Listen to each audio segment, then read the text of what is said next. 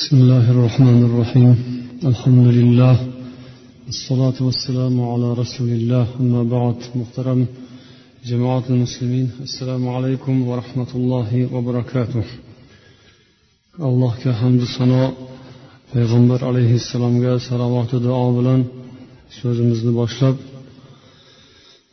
to azon aytilgunga qadar bu o'rtadagi vaqtimizni alloh taoloni kalomidan ma'nolaridan bahramand bo'lish bilan o'tkazamiz inshaalloh bugun sizlarga payg'ambar sollallohu alayhi vasallamga makkada nozil bo'lgan makkiy suralardan biri abasa surasini tilovati va alloh taolo nasib etganicha ma'nolarini yetkazishga harakat qilamiz.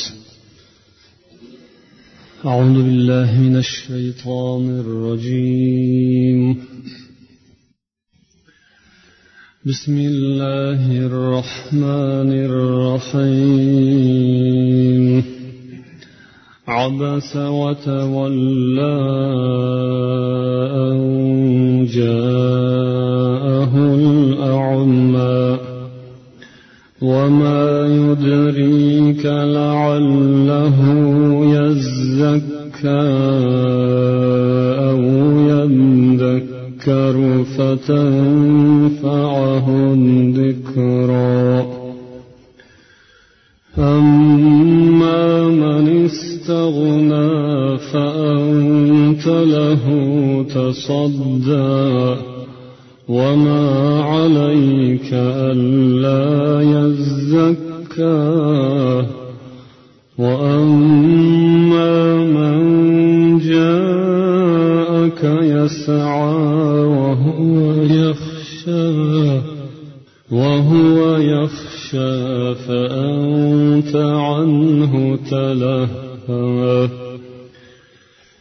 hozir sizlarga mana shu abasa surasini avvaldan o'n oyatni tilovat qildik. Bu ko'rib turibsizlarki oyatlari qisqa qisqa. Mana shundan ham ma'lum bo'ladiki makkada nozil bo'lgan suralardan. Makki suralarni tabiati bu suralarda asosan ko'zda tutilgan maqsad nuqta mo'min musulmon jamiyatini ruhiy ma'naviy tomondan tarbiyasi ularni iymonu e'tiqodlari ixlosiga qaratilgan.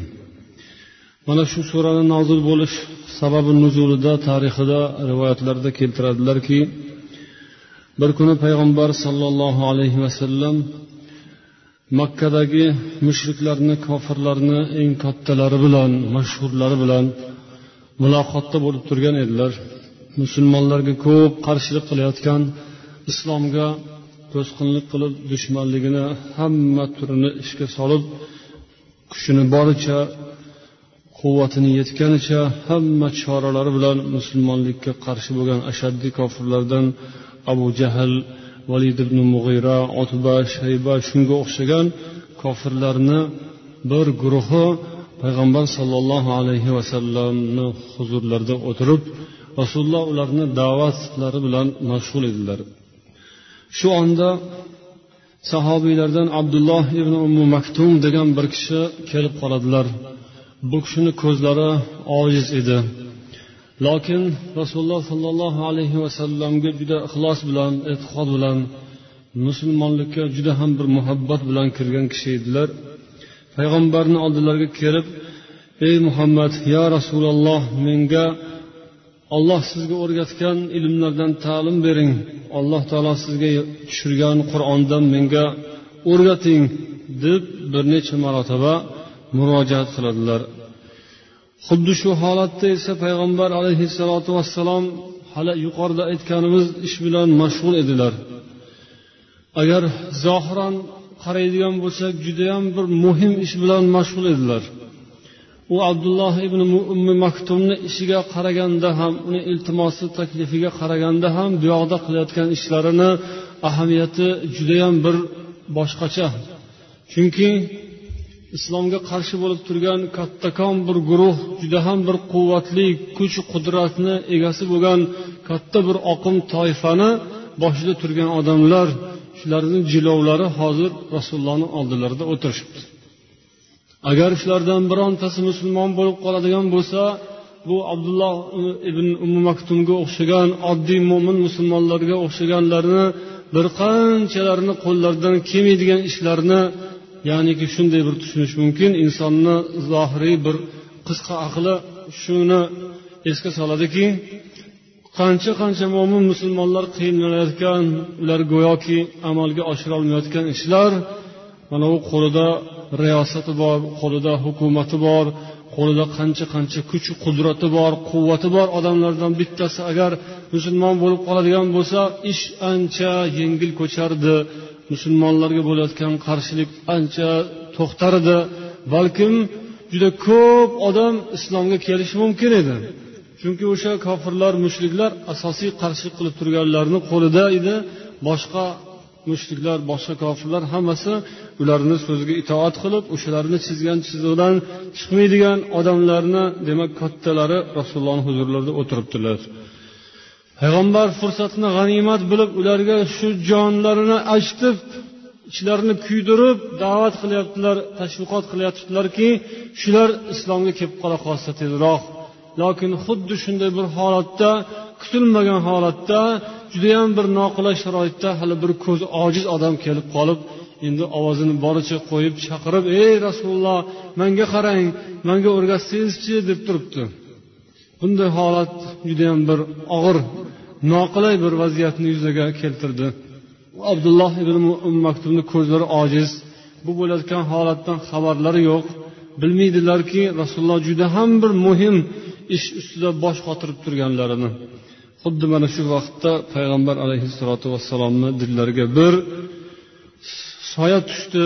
Payg'ambar alayhissalotu vassalom shu ibn umi maktumni kelishidan xafa bo'ldilar. Negayam hozir endi shundoq bir holatda xalaqit bermasa bo'lardi shu so'zni aytmasdan tursa bo'lardi birpas jim tursa yoki birozdan keyin kelsa nima qilardi degan bir mulohazami xullas kalom payg'ambarni yuzlarida ko'rindi. Ya'ni biroz qoshlarini chimirdilar. Yuzlarida bir tundlik paydo bo'ldi.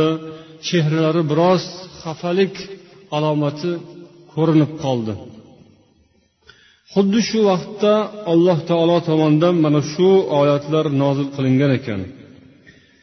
Bu oyatlarda olloh payg'ambarimizni tanqid qilgan ekan.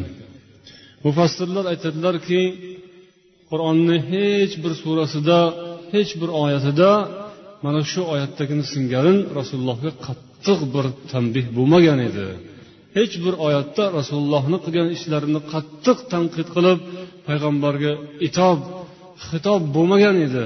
Ammo mana shu surada mana shu oyatda payg'ambar alayhissalotu vassalomga alloh taolo tomonidan juda qattiq muomala bo'ldi deydilar. Boshqa hech bir yerda ko'rilmagan. Ammo baribir shundoq bo'lsada alloh taolo bu surani oyatlarini mana shu rasulullohga bo'lgan tanbehni boshlanishini avvalini ancha yumshoqlik bilan boshladi deydilar. Ya'ni bu jamiyat bu musulmon ummatini rahbari payg'ambari bo'lgan butun olamni sarvari hamma mo'min musulmonlarni faxri bo'lgan allohni eng yaqin bir do'sti bo'lgan muhammad alayhissalomga baribir alloh taoloning muhabbati allohni do'stligi u doimiyku shuning uchun ham go'yoki uchinchi bir shaxs haqida hikoya qilinayotganday bo'lib boshlandi. Abasa va tavalla yuzini burishtirib qoshini chimirib yuzini o'girib oldi. Ya'ni payg'ambarimizni olloh mana shu yerda tasvirlayapti ta'riflayapti. Muhammad alayhissalom yuzini burishtirdi. U yuzini o'girdi. Yuzini burishtirdi qoshini chimirdi degan so'z o'zi umuman judayam bir chiroyli holat emas. Agar palonchi yuzini bujmaytirib oldi degan so'zni aytsangiz o'sha palonchini o'ziga qandaydir bir noqulaylik bo'ladi. Olloh o'zini do'sti haqida to qiyomatgacha o'qiladigan qur'onga mana shu kalimalarni tushirdi. Muhammad alayhissalom qoshlarini chimirib yuzlarini burishtirdi deb go'yoki payg'ambarni o'zlariga emas balkim boshqa bir odamga aytib berayotganday qilib boshladi. Xuddi siz bir yaqin do'stingizni betiga qarab shunday tikkasiga gapirishingiz biz bir boshqa unda bir sovuq holat paydo bo'lishi mumkin. Ammo baribir aytishingiz kerak aytmasangiz bo'lmaydi. Oldingizga o'tkazib qo'yib bu kishini betiga emas balki boshqa odamga aytib turib bu kishi baribir eshityapti eshittirib turib turib shunaqa qildilar mana shunaqa bo'ldi deb boshqa bir odamga tushuntirish o'sha orqali unga yetkazish o'sha orqali tanbeh berish bu ancha bir holatni yumshatish muloyimlashtirish. Go'yoki o'sha o'rtadagi do'stlikni rahna solmaslik degan ma'noda tushunishimiz mumkin. Alloh taolo ham aslida payg'ambar sollallohu alayhi vasallamga tanbeh beryapti bu yerda. U kishini tanqid qilyotibdi. Ammo bu tanbeh tanqidni boshlanishini avvalini go'yoki boshqa odamga aytayotganday qilib boshlagan. Bir ko'r odam kelganidan u kishini muhammad alayhissalom yuzlarini o'g'irib oldi. Endi bu oyat bilan alloh taolo rasulullohni o'zlariga to'g'ridan to'g'ri xitob qila boshladiki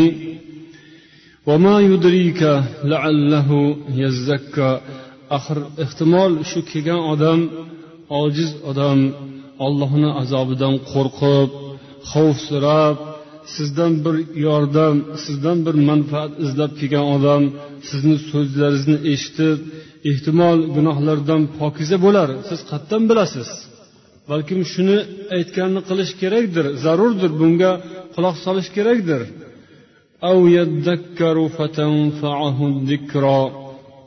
Yoki mana shu so'zlardan bir pandu nasihat olib unga shu nasihatlar foyda berar manfaati tegar axir. Siz buni qayerdan bilasiz? Olloh o'zi biladiku degan bir mazmunda.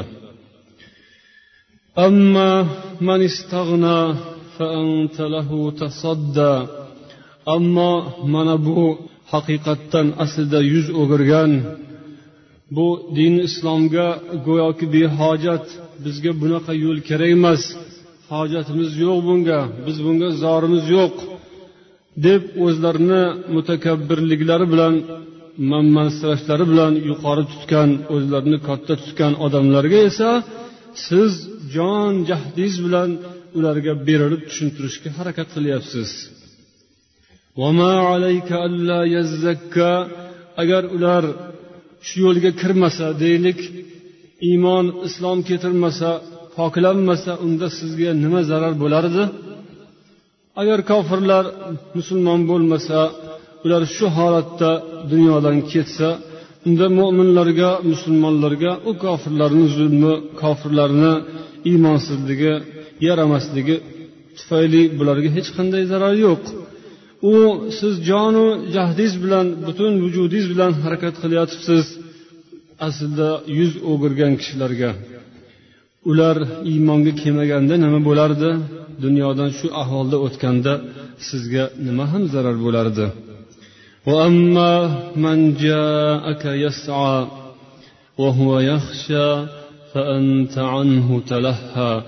Ammo juda yelib yugurib chopib harakat bilan alloh taolodan qo'rqqan holatda sizni huzuringizga kelgan odamdan esa siz beparvo bo'lyapsiz siz uniga e'tibor bermasdan boshqa narsa bilan mashg'ul bo'layotibsiz kalla yo'q bu noto'g'ri ish.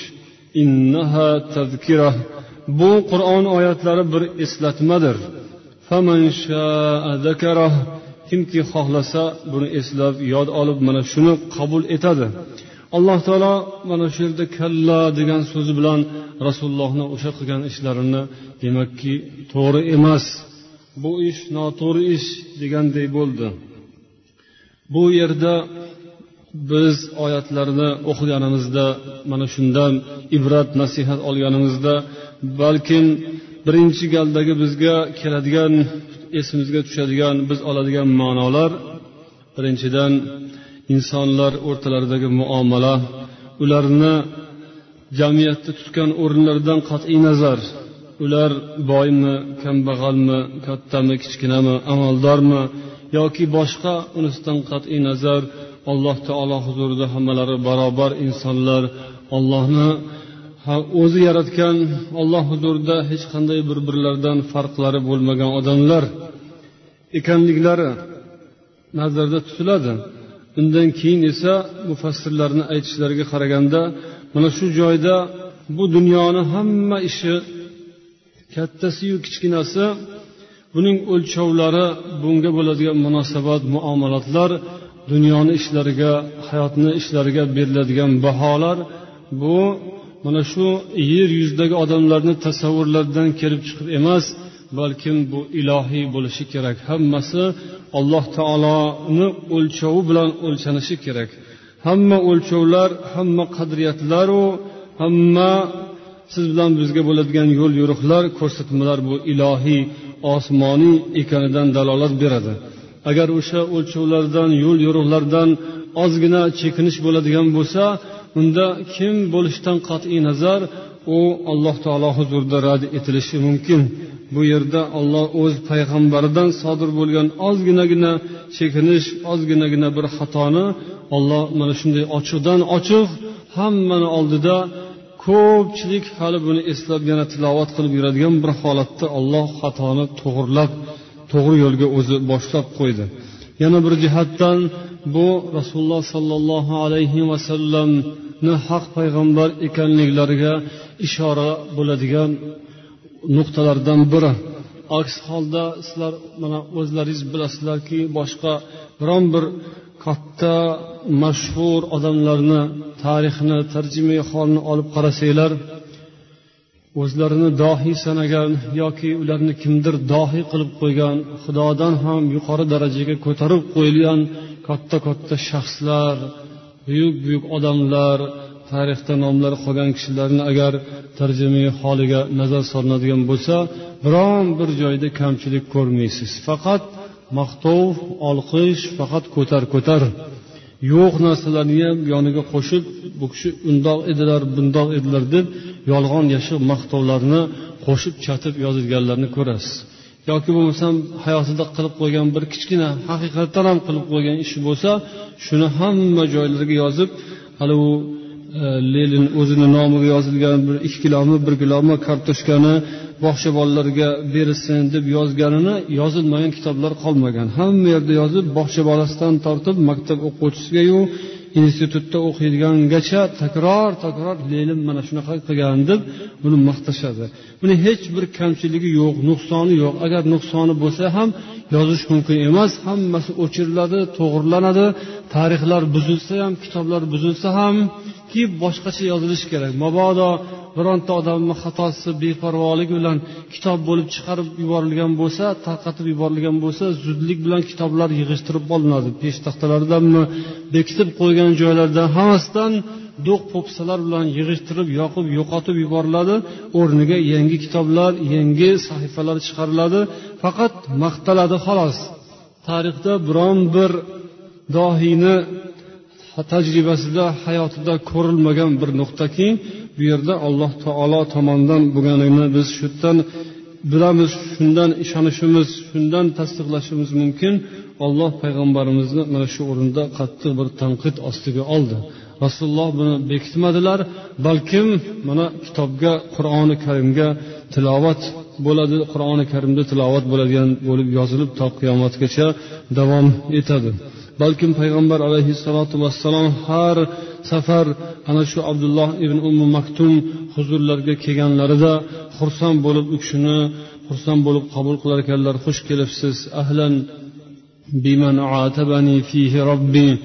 Robbim siz haqingizda robbim meni tanqid qilgan zot.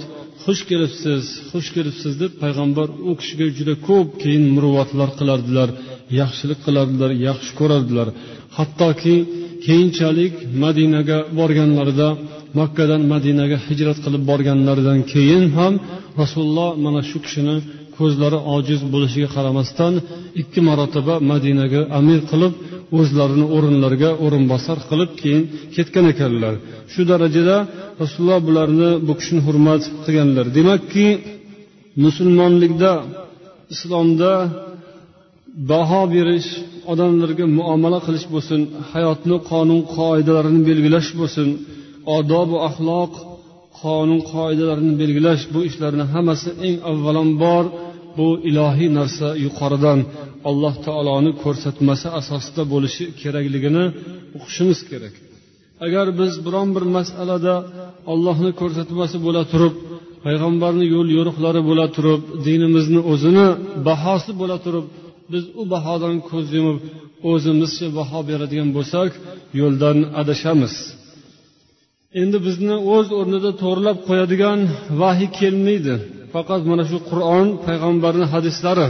Agar shundan to'g'ri xulosa chiqarib keta olsak jannatga to'g'ri yo'lga tushgan bo'lamiz. Ammo aksincha agar biz bu yo'lda adashadigan bo'lsak olloh asrasin. Alloh taolo yana bir suralardan birida mana shu qulya ayyuhal kafirun surasida ham shunday bir ma'noga ishora qilgan. Ya'ni rasulullohni huzurlariga tarixdan xabarlaringiz bor mushriklar kelishib mayli biz sizni ham yo'lingizga kiradigan bo'ldik. Ho'p endi shunga kelishaylik oxirida biz allohga ishondik deylik musulmon bo'ldik deylik. Islomni qabul qilamiz kiramiz yo'lingizga. Ammo bitta shartimiz borki siz ham bizni yo'limizga yurasiz. Bizni ham aytganimiz bo'ladi sizni ham aytganingiz bo'ladi. Sizni ham qonun qoidalaringizga ollohni yo'l yo'riqlariga amal qilamiz. Bizni ham eski ota bobolarimizdan qolgan narsani voz kechib yubormaymiz qanday qilib endi u ota bobodan qolgan eski urf odat bo'lib davom etib kelayotgan narsani tark etamiz voz kechishimiz kerak. Bu bizga juda og'ir bo'ladi. Shuning uchun biz musulmon bo'lamiz allohga iymon keltiramiz sizga iymon keltiramiz payg'ambar deb tan olamiz islomga yuramiz. Lokin sharti shuki avvalgi sig'inadigan narsalarimizni ham mayda chuyda xudolari bo'lardi. O'shani ham birga olib yuramiz. O'shandan ham voz kechib yubormaymiz. Birgalashib olib boramiz. Uni ham tutamiz bir qo'lda buni ham tutamiz. Ikkovini barobarlashtirib olib boramiz degan takliflari bo'lganda nima deb javob bergan? Alloh taolo o'sha kafirun surasini nozil qilib birinchi kalimasi astaizu billah qul ya ayyuhal kafirun deb boshlagan. Ya'ni aytgin ey muhammad ey kofirlar deb aytgin degan. Ya'ni javobni kofirlar degan so'zdan boshlagan. Demakki ollohni yo'l yo'rig'ini xudoni buyrug'ini aralash quralash qilib yuboriladigan bo'lsa uni musaffo o'zini alohida xolis tutilmaydigan bo'lsa undan bir shingil bundan bir shingil qilib uni bo'tqaga aylantirib aralashtirib yuboriladigan bo'lsa bo'lmay qolishligini olloh javobini shu qur'onda beryaptiki ularni otini oldin kofirlar deb aytib olginda keyin javobini bergin qul ya ayyuhal kafirun la a'budu ma ta'budun. Sizlar ibodat qilayotgan narsaga man ibodat qilmayman deb aytgin. Demak u basharti olloh desa ham payg'ambar deb islomga kirib yurdim deydigan bo'lsa ham ammo buning ichida boshqa bir unsur aralashadigan bo'lsa bu buzar ekan. Bir qozon ovqatga deylik no'xatdek boshqa narsa tushsa odamni deylik butun a'zoyi badaniga asaldek moydek mumyodek yoqadi ovqat. Unga har kuni olib yeb iste'mol qilib turish kerak bo'lgan narsani ichiga bitta moshdek insonni butun vujudiga zarar qiladigan narsa tushsinchi aralashsinchi qaysinisi amal qiladi. Qaysinisini ta'siri ko'proq bo'ladi. Nima natija bo'ladi?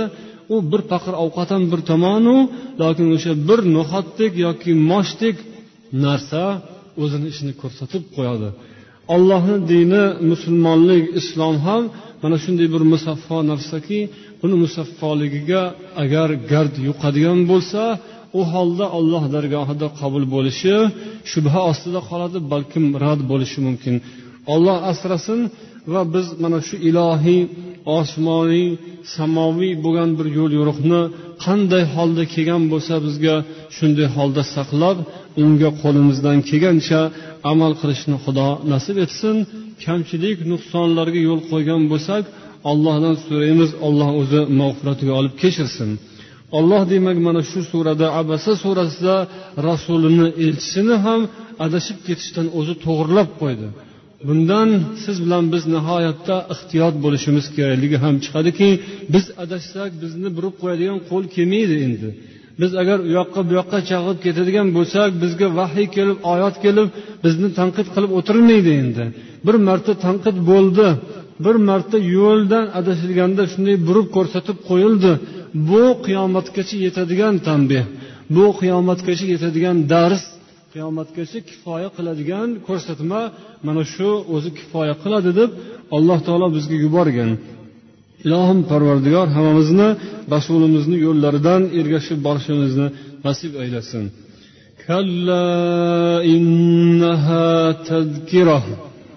فمن شاء ذكره في صحف مكرمه مرفوعة مطهرة بأيدي سفرة كرام بررة yo'q bu odamlarni ra'yiga ularni shart sharoitlariga qarab turib shundoq qilsam yaxshi bo'lardi deb ollohni yo'lidan chalg'ib ketish to'g'ri emas bu noto'g'ri narsa Tadkira. Bu qur'on oyatlari bir eslatmadir. Kimki xohlasa eslaydi oladi undan manfaat olib to'g'ri yo'lga tushadi. Ya'ni xohlamasa o'sha mushuklarni kattasi makka kofirlarni kattalariga juda siz jon jahdingiz bilan juda ham bir astahdillik bilan qattiq berilib da'vat qilyapsiz. O'shalarni islomga kelsin ekan deb yuragingizni achishtiryapsizu lokin ular xohlasa bo'lsin mayli. Xohlamasa bo'lmasin. U bilan hech qanaqa islomga zarar yetmaydi. O'sha bitta kattakon bir amaldor bir zo'ravon o'sha mushriklarni kattasi bir zodagon musulmon bo'lmay qolsa islom to'xtab qoladimi? Shu bilan musulmonlik o'lib qoladimi? Shu bilan islom orqasiga qarab yurib ketadimi? Yo'q undoq emas. Xohlagan odam kirsin olsin bu yo'lga o'zini deylik yo'llarini mana shu yo'lga to'g'irlasin bu qur'on oyatlari juda bir aziz mukarram hurmat qilingan sahifalarda saqlanadi. Juda oliy darajada yuqori darajada pokiza holatda saqlanadigan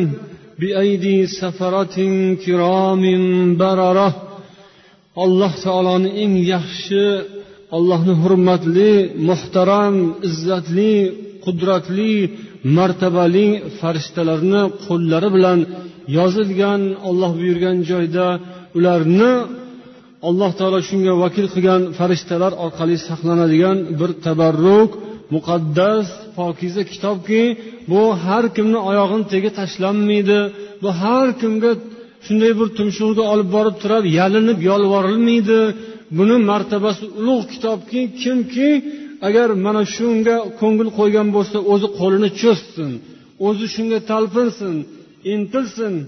Bu buning hurmati shunday darajada yuqori o'ziki ya'ni marfuatin mukarramatin marfua deyapmiz. Mukarram o'zi hurmatli bu izzatli martabasi baland. Shuning uchun bunga boshqa martaba qo'shimcha martaba kerak emas. Falonchixon akamizni martabalari baland. U kishi amaldor u kishi juda ta'sirli kishi. U kishi judayam bir zo'r. Agar shu kishi musulmon bo'lsa unda dinimizni martabasi oshib ketadi demang. Bu qur'on islom din o'zi martabasini xudo ko'tarib mukammal qilib butun qilib bergan. Shuning uchun kimki o'ylasaki shu judayam katta odamda amaldorda makka mushriklarini kattasida bu. Zodagonlarni eng bir rahbari agar shu musulmon bo'ladigan bo'lsa buning hurmati buni izzati martabasi tufayli islom ham izzatga martabaga hurmatga erishadi demang. Bu qur'oni karimni o'zi fi suhufin mukarrama. Ulug' mukarram izzat hurmatli bu. Shuning uchun bunga hurmat qo'shimcha bandasidagi qayerdandir topib olgan yolg'on yashiq obro' yolg'on yashiq martabadir. O'shani martabasini bugun olib qo'ysa ertaga u bir tiyinga ham qimmat bo'lib qolishi mumkin.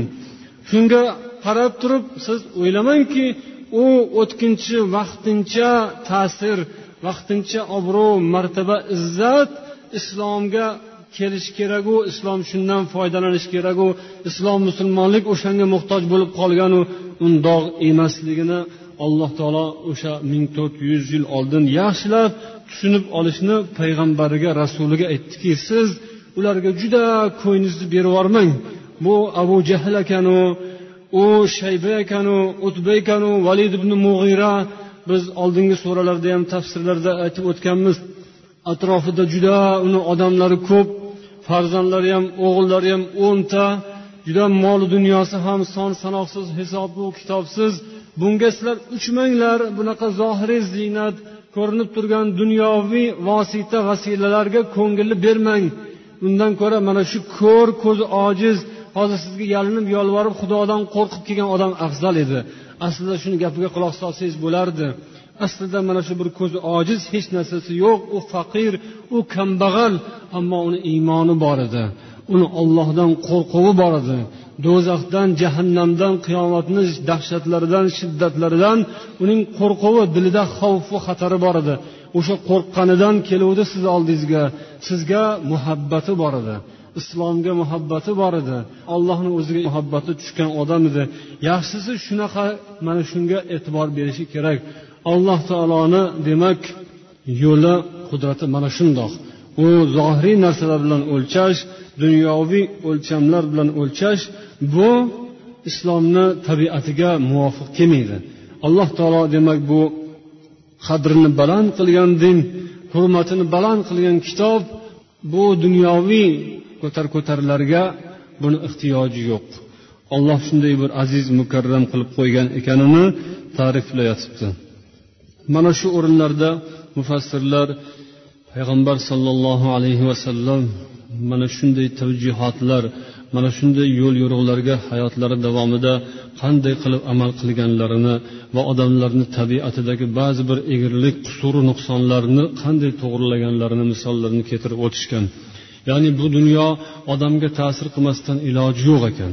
Sal pal bo'lsa ham bu tashqi muhit mana shu shartu sharoitlar insonni o'rab turgan yashab turgan sharoiti uni tabiatiga ta'sir qilib qoladi ekan. Ya'ni sahobiylarni ichlarida ham ba'zi birlari kattakon bir obro'li juda ta'sirli xonadonlardan ba'zilar esa qullarni farzandlari o'zlari qul bo'lgan xonadonlardan bo'lishgan. Shularni o'rtalarida ham ba'zan ba'zan kelishmovchiliklar chiqib qolgan. Ya'ni jumladan abu zar g'iforiy degan sahobiy bilan bilol ibn ravoh o'rtalarida bir so'z o'tib gap aylanib qolgan ekan. Bilasizlar bu bilol ibn ravoh kim bo'ladilar? Bu kishi oldin qul bo'lgan o'zlari habashiy bo'lganlar. Habashistondan bo'lgan qop qora qul odamlarni tabiatiga qarab baho beraman desangiz odamni tabiati uncha ko'tarmaydigan holat. Shunda o'sha abu zarul g'iforiy bilol ibn rabohga hey qora xotinni bolasi deb muomala qilgan ekanlar. Bu gap rasululloh sollallohu alayhi vasallam quloqlariga yetgandan keyin juda ham qattiq xafa bo'lganlar va abu zarul g'iforiyga qattiq dashnom berib tanbeh berganlar. Keyin rasululloh sollallohu alayhi vasallamni tanbehlari u kishiga ta'sir qilib boshlarini shunday yerga tashlab to shu bilol kelib mani boshimni oyog'i bilan bosmaguncha boshimni ko'tarmayman degan ekanlar. Ana ularda mana bu tarbiyani qabul etishga qobiliyat o'zi bor edi. Tashqi muhit har qancha ta'sir qilsa ham sharoit yashayotgan bu jamiyatni ba'zi bir iflosliklari o'sha yerdagi odamlarni etagiga yuqqan bo'lsa ham yoki etakka yuqqan bo'lsa mayli uni yuvib harakat qilsa tozalasa ketadi. Qalbiga yuqib qolgan bo'lsa uni endi qalbini almashtirib bo'lmaydi bu kiyim emasdi. Uni olib boshqasini bu qorayib qolibdi deb almashtirib tashlasa shuning uchun u qalbga yuqqani qiyin bo'ladi. Ammo u sahobiylarda bo'layotgan mana bunday gap so'zlar ularni go'yoki kiyimga tekkan bir dog'ga o'xshagan edi. Rasulullohni bir tanbehlari bilan ular tavba tazarrularni qilib butunlay bu yo'llardan to'xtab allohni huzuriga hammalari pok pokiza bo'lib ketgan zotlar. Darhol o'sha qilgan ishlariga pushaymonlanib boshlarini yerga qo'yib kelib oyog'i bilan bosdi mani boshimni. Bo'ynimga oyog'ini qo'ymaguncha man boshimni yerdan ko'tarmayman deb aytgan ekanlar. Xuddi mana shunday bu dunyoviy farqlarni odamlarni ko'pini yo'ldan urgan mana shunday bir taassurotlarni rasululloh eh, mana shunday narsalarni yo'qotish sindirish uchun ham o'zlarini qarindoshlari bo'lgan keyinchalik o'zlariga ayol bo'lgan juft halollari bo'lgan zaynab bindi jahshni qullariga nikohlab berganlar. Zaynab bindi jahsh bu shunday bir kattakon oiladan obro'li juda martabali ta'sirli arablarni o'rtasida juda ham bir o'zini shoni shavkati bilan tanilgan oila bo'lgan ekan. Buni qullari o'zlarini rasulullohni qo'llarida qul bo'lib xizmatkor bo'lib yurgan keyinchalik esa ozod qilganlar zayd ibn horisaga nikohlab berganlar. Majburlagandek bo'lib mana shuni qilmasa bo'lmaydigan holatda ataylab rasululloh nikohlagan edilarki bu ham johiliyat odatlarini sindirish uchun bo'lgan. Bo'lmasam eski arab jamiyatida quda andachilik er xotinchilikni masalasi juda bir haddan tashqari bir insonni shaxsiyatiga tegadigan masala edi. Odamni izzat nafsiga tegadigan masalalar edi bu er xotinligu va quda anda bo'lishlik. Ya'ni uncha muncha odam bir biri bilan quda bo'lmasdi. Hozir xuddi siz bilan bizda ham bu narsalar ma'lum darajada saqlanib keladi. Rasululloh o'sha zamondayoq mana shu ishlarni oldini olganlar. Agar bir qul bilan bir xo'ja xo'jayini katta sayidlar o'rtasida agar qudalik bo'ladigan bo'lsa bir isnot bu sharmandalik edi ularga. Buni hech ko'tarisha olmas edi. Nafsoniyatlarga tegib ketadigan ish edi. Lokin payg'ambar ataylab mana shunday dunyoviy vaqtincha vaqtincha oriyat vaqtincha o'zini yuqori tutish bunday narsalarni musulmonlar o'rtasidan ko'tarish uchun o'zlari nikohlab bergan edilar. Rasulullohni sahobalari esa mana shu tarbiyalarni ular jon dillar bilan qabul qilishardi va shuning uchun ham alloh taoloni maqtoviga qur'oni karimda ular sazovor bo'lganlar. Alloh hammalaridan rozi bo'lsin. Siz bilan bizga ham alloh taolo ana shu zotlarni payg'ambar alayhissalotu vassalom yo'llarini ashoblar yo'llarini o'zi nasib ro'za aylasin inshaalloh suhbatimiz agar alloh nasib etsa yanagi jumalarda davom etar. Hozir so'zimizni oxirida mana bu yerda ba'zi savollarni javobini aytib o'taylik. Safar oyida unashtirish haqida so'rabdilar buni necha marotabalab ilgari ham eshitgansizlar. Safar oyini hech qanday to'yga ahamiyati yo'q. O'sha johiliyatni odatlaridan musulmonlik hali ularni uylariga xonadonlariga kirib bormagan. Kirib borsa ham hali o'sha yerdan bir mustahkam o'rin olmagan xonadonda yashayotgan odamlar bo'lsa mana shunaqangi safar oyi boshqa degan narsalarga e'tibor beradilar. Musulmonlar bu narsalarni olib shuni savol qilib mana shuni ustida tortishib o'tiradigan arziydigan tortishishga arziydigan gap emas. Safar oyida to'y qilib bo'lmaydi qandoq bo'ladikan desa bilib qo'ysinki o'sha xonada o'sha xonadonda hali islom yetarli emas ekan. Hali islomiy tushuncha iymon e'tiqodlari juda ham ollohga yoqadigan darajada bo'lmaganiga ishora qiladi bu. Ya'ni bu gaplarni qo'yish kerak endi. Bu johiliyat tasavvurlarini fikrlaridan voz kechish kerak. Hadisdan ma'lumki deb yozibdilar boshliqlarga itoat qilishning qiling agar boshliq bir emas ikki emas bir necha sunnat amaldan qaytarsa boshliqqa itoat qilishnadimi umuman rasulullohni hadislarida la fi ma'siyatil xoliq allohga gunohkor bo'lib qolinadigan o'rinda olloh yaratgan maxluqqa itoat etilmaydi. Allohning yo'liga teskari ishni agar buyuradigan bo'lsa unda ollohni aytganini qilish kerak bo'ladi. Payg'ambar hadislaridan ma'lumki debdilar yana kim qiyomatga ishonsa qo'shnisiga yaxshilik qilsin. Agar qo'shnisi dinsiz iymonsiz aroqxo'r bo'lsa hadisga amal qilinadimi? Ha o'sha birodaring zolim bo'lsa ham mazlum bo'lsa ham yordam bergin. Unsur ahoka zoliman av mazluman deganlar yana bir hadisda. Zolimga ham mazlumga ham yordam bering. Mazlumga yordam berish bu mumkin e, tushunish mumkin oson. Qanday yordam berish kerakligini bilasiz. Mazlum bo'lsa zulmdan ozod qilasiz. Zolimga qanday yordam berasiz? Iloji boricha o'shani zulmdan to'xtatsangiz yordam bergan bo'lasiz. Nasihat qilasiz yaxshi gapirasiz boshqacha bir yo'lini qilib ilojini qilib bir amallab o'shani zulmdan to'xtatsangiz uni siz jahannamdan qutqarib qolgan bo'lasiz. Shuning uchun qo'shningiz agar dinsiz bo'lsa ham iymon e'tiqodsiz bo'lsa ham unga yaxshi gapirib dinga islomga da'vat qiling unga mayli hadyalar bering unga qo'shnichilik qiling ovqat uzating non bering choy bering boshqa qiling o'zini tilida shirin shirin gaplardan topib gapiring xullas dilini bir amallab eriting qani bu yog'i alloh taolo sizga qani qanchalik qobiliyat iste'dod berganini bir o'zingizda sinab ko'ring. Ilojini qilsangiz demak alloh taolo sizni qo'lingizda o'sha odamni iymonga kelishini iroda qilgan bo'lsa islomga iymonga kelib qolar. Lokin iymon islomga kelmasa unda teskari to'ningizni kiyib oling. U bilan butunlay teskari bo'lib qoling. Hech qaramang betiga degan so'zlar to'g'ri emas albatta. Qo'shnichilikni o'zi yarasha muomalasini qilib yuraverasiz. Agar u hali aytilgandek aroq ichadigan bo'lsa ham uni ham bir sekin sekin chiroyli gap bilan yo'lga solsa bo'ladi. Axir insonku odamlar boshqa narsalarni yo'lga solayotibdi. Inson insonga insoncha muomala qilsa xudo xohlasa uni yaxshi bir natijasi bo'ladi.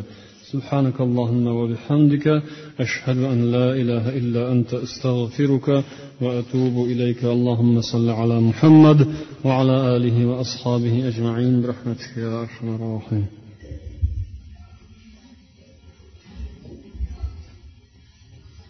الله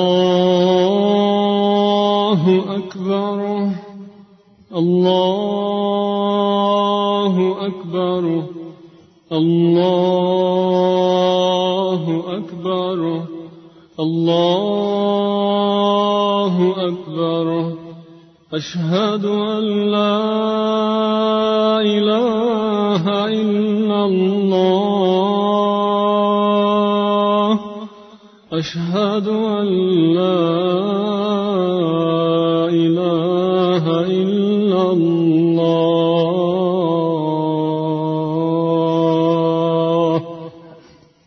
أشهد أن محمدا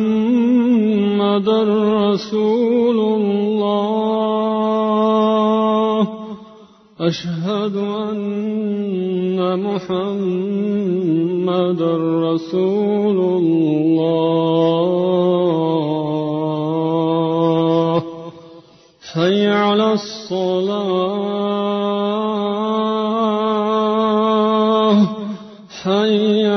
الصلاة. حي على الفلاح. حي على الفلاح. الله أكبر. الله أكبر. لا